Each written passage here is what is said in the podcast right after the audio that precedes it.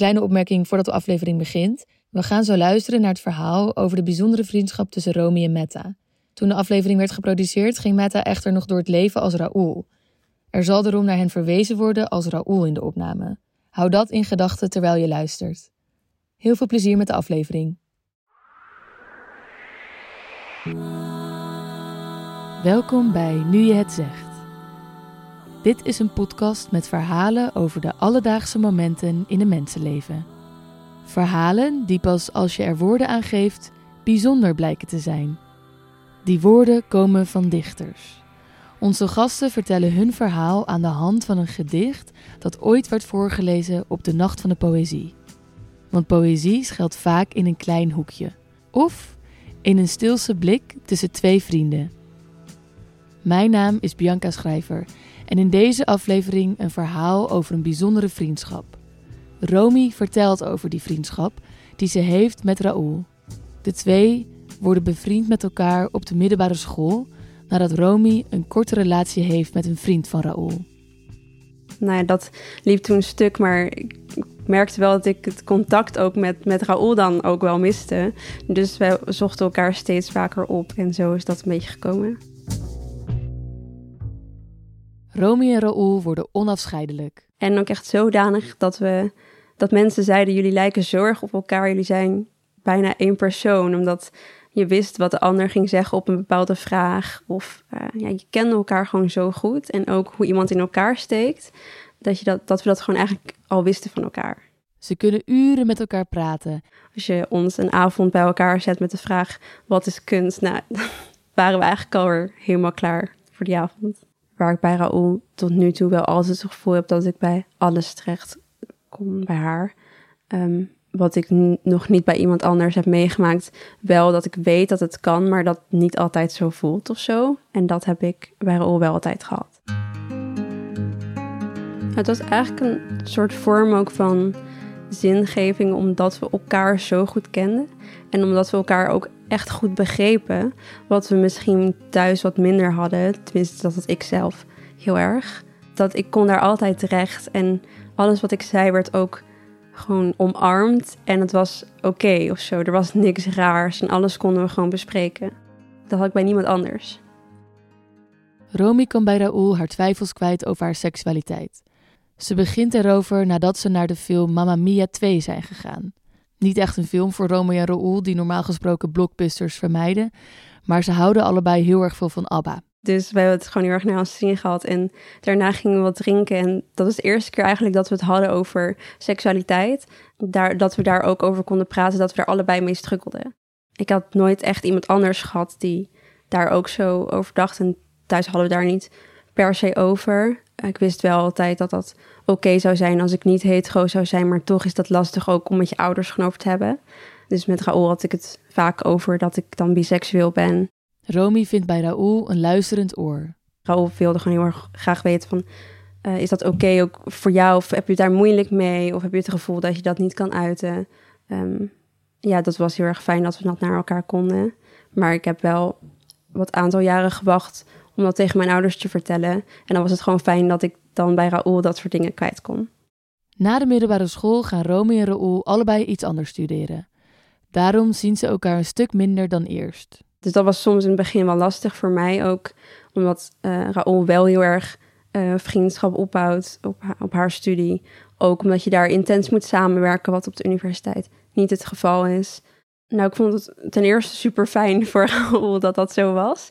Um, maar soms kan het als gevoel hebben van mis je iets bij mij.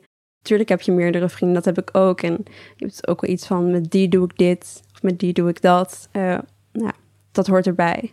En we hadden wel altijd een soort stip op de horizon van oh, dat concert, dat gaan we samen doen. We gingen heel vaak samen naar Vrouwtje bijvoorbeeld. Dat vinden allebei heel leuk. Het is altijd iets om naar uit te kijken. Buiten begint de duisternis te vallen, maar hier binnen is het gezellig en warm. Beste nachtdieren, welkom op deze 39ste nacht. Ze vraagt Raoul om mee te gaan naar de 39ste nacht. Nee, we zouden dus met z'n tweeën gaan en um, we wilden altijd wel best op tijd, omdat um, je weet niet precies wie wanneer komt. Volgens mij, het programma is er wel, maar niet een volgorde. En we wilden wel een paar mensen uh, wilden we echt zien, uh, zien optreden. Dus uh, we waren al best wel vroeg gegaan. En we hadden elkaar ook al een tijdje niet gezien. Omdat het toch weer leuk om elkaar weer, weer te zien.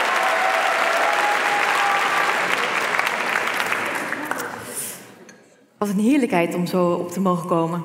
Lucas Reineveld is een van de dichters die de twee beste vrienden graag willen zien.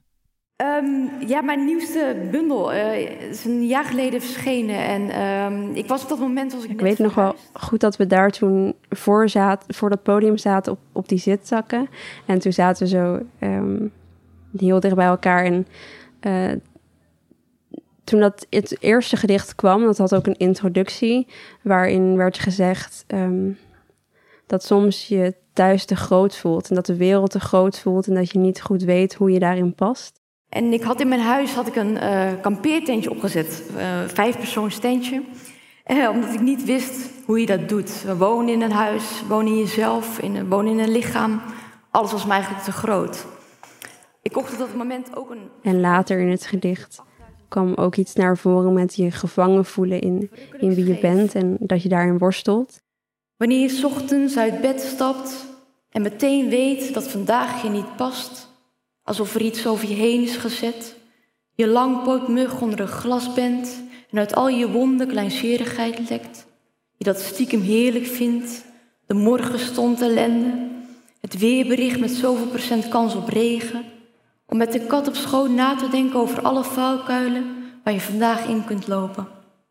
Het is triest, zo sad, zeg je tegen het streeldier, dat wij vandaag weer gevangen zitten dat wij weer het slachtoffer zijn van onvoorziene zaken. De zucht zo diep dat het ervan schrikt. Dat het huis plots verzakt. Alles staat zo verrukkelijk scheef. En dat kwam bij ons beiden heel erg aan. Omdat, uh, nou, zoals ik al eerder zei, ik gewoon heel erg geworsteld heb met, met wie ben je eigenlijk. Je, ben, ja, je bent biseksueel, maar daar, daar moet je achter komen en dat is een worsteling. En uh, voor Raoul was dat hetzelfde, omdat Raoul eerst uh, mijn vriend was en nu een vriendin. Uh, maar dat is iets wat je, wat uiteraard een worsteling is. En dan komen die, die woorden zo direct eigenlijk aan. Dat, dat was een heel mooi moment naar ons beiden, omdat we elkaar ook zo'n zo schuin ogen naar elkaar gaven van... Volgens mij weten we dat het bij elkaar heel erg aankomt. In je hoofd een donker wolkenveld maar niemand weet hoe het is om altijd je bewegingsruimte te bewaken. Een brekenpoot genoemd te worden. Toch doe je niets om de wonden te stelpen. Het is een stroperig bestaan, zeg je tegen de kat. En je hoopt voor hem en jezelf dat je op keer gejat wordt. Dat is toch wel het ergste. Gestolen worden op klaarlichte dag. Behalve als het een verzamelaar is. Dat heb je altijd al gewild. Dat iemand je spaart.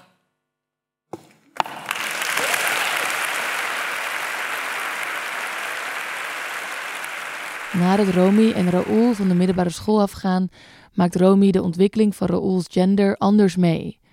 Waar Raoul elke twijfel en gedachte van Romy over haar seksualiteit meekreeg, toen ze elkaar nog elke dag zagen, is dat nu iets anders. Omdat we elkaar dus zo vaak zagen, dan je praat heel, wij praten in ieder geval heel erg veel, uh, dan kan je inderdaad op elke denkstap die je hebt elkaar meenemen. Um, en als je elkaar twee maanden niet ziet, dan moet je je een beetje inlichten over wat in die twee maanden is gebeurd. En vaak uh, neem je dan heel veel dingen niet mee. Ja, en dat was bijvoorbeeld wat betreft Raoul's gender wel heel erg uh, het geval, omdat we elkaar gewoon veel minder zagen. Dus als we elkaar zagen, dan um, moest je elkaar dus op die manier, moest Raoul mij daarin meenemen. Dat doet Raoul nadat ze samen naar de film zijn gegaan. Ik weet dat we toen samen gingen we naar onze favoriete film, Amélie. Het is mijn favoriete film. En uh, na die film, toen hadden we het daarover. Dat was volgens mij ook een van de eerste keren dat um, Raoul het had over haar gender. Ik wel, we hebben het wel eens eerder besproken, maar nu namen we daar echt de tijd voor.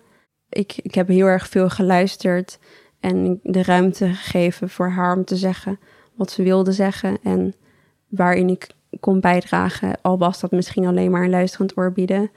Maar ik had ook echt het gevoel dat ik niet genoeg deed. Hmm. Omdat ik het misschien ook niet... Ik kon het niet oplossen op dat moment. Ik kon het sowieso niet oplossen. Maar je wil dan toch iets wegnemen of meer begrip kunnen tonen. Maar omdat het voor mij toen ook zo nieuw was, ik wilde nooit ook eigenlijk het dan over mij maken, want daar ging het niet om. Maar zo voelde dat soms wel. Waarom voelde dat soms wel zo dan, als het over jou, dat het wel over jou ging? Je bent natuurlijk gewend dat je vriendschap op een bepaalde manier werkt of een bepaalde manier is. En dat verandert op zo'n moment wel. En dat um, verandering is soms gewoon ontzettend lastig. Ik ben zo gewend om te zeggen: Het is mijn beste vriend. Maar waarom hecht je eigenlijk zoveel waarde aan? Want het hoeft helemaal niet uit te maken of ik nou beste vriend of beste vriendin zeg. En ook misschien ook een beetje boos is op de samenleving. Omdat als Raoul dan een rok aan wil, dat mensen dan raar kijken. En dan denk ik, waarom maakt dat nou weer uit? Waarom kijk je zo raar? Als ik een rok draag, mag het wel. Nou ja, dat kwam eigenlijk allemaal tegelijk of zo. Trok in plaats van een grijs vest een jongen aan. Zo vaak in de slobberfase gezeten dat er weinig postuur overbleef. Ik kon voor alles doorgaan. Het was te groot bij mijn schouders, ach, het kom maar wat. Met veel dingen heb ik vrede gehad, maar niet met geslachtelijke bepaling, met blauw of roze speelgoed. Wilde ruw zijn en tegelijk lief. Kocht op een dag mijn eerste piemel voor 1750. Ik waste hem voor het slapen gaan zachtmoedig, rolde hem door Mazena om hem levensecht en houdbaar, zoals de bijsluiter beweerde. En maakte een keuze, rechts of links dragen die blik die jij jullie elkaar gaven tijdens het, uh, de voordracht van, van Lucas Reineveld. Wat, wat was dat voor een blik? Misschien wel een soort blik van herkenning. Uh, omdat ik, ik, ik had door dat het mij raakte. Maar ik had ook door dat het Raoul raakte. En misschien daar hoefde ik eigenlijk niet voor opzij te kijken. Maar dat, dat lokt je dan ook misschien als een soort steun van... Het raakt mij ook en uh, ik, ben, ik zit hier naast je voor als je dat nodig hebt. Als jij uh, aan een nieuwe partner of aan een partner zou moeten beschrijven hoe de vriendschap is tussen jou en Raoul, wat zou je dan vertellen? Nou, eigenlijk zou ik zeggen dat het onbeschrijfbaar is, maar uh, als ik het dan toch zou proberen, um, dan zijn we eigenlijk mensen die, die samen ontwikkeld zijn, zeg maar. Dus sinds ons vijftiende hebben we die lijn meegemaakt. En hoewel die lijn misschien niet altijd echt samen was, omdat er soms echt periodes waren waar we elkaar niet altijd zagen, dat het wel uh, zoiets iets, iets was waar we altijd naar terug kunnen, waar we het nog steeds altijd naar terug kunnen. Dus dat het nooit echt uit elkaar groeien is. Maar dat, ik heb het gevoel dat dat niet kan of zo. Het gaat nooit meer op een niveau zijn van hoe vaak we elkaar zien als op de middelbare school. Maar dat is eigenlijk ook niet erg. Ja, ik denk dat het zo, zo doorgaat. Dus dat hoop ik heel erg. En ik denk dat als ik dat heel erg hoop en ik denk Raoul ook, dat het dan ook gewoon gebeurt. Uh, ja. Dit was Nu je het zegt, een podcast van Ilvu. Mijn naam is Bianca Schrijver en ik deed de redactie, productie, montage en mixage voor deze aflevering. Research en eindredactie door Gijs Wilbrink. Muziek is van Tim Meijer. Veel dank aan Romy Lever voor haar verhaal. Heb jij ook een alledaags verhaal dat je met ons wilt delen? Dat kan. Mail dan naar post.ilfu.com. Dat is post ilfu.com.